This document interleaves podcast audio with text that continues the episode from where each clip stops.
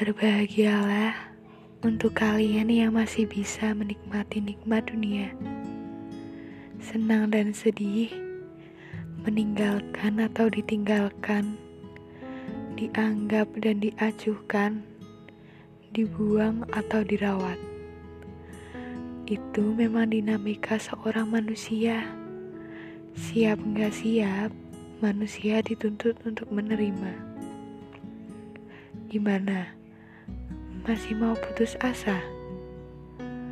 Hati yang baru pasti akan berlabuh pada jiwa yang ikhlas. Banyak alasan manusia untuk bisa merasakan kebahagiaan. Mungkin memilih bersama orang lain atau berdiri sendiri. Memilih kembali atau bahkan pergi.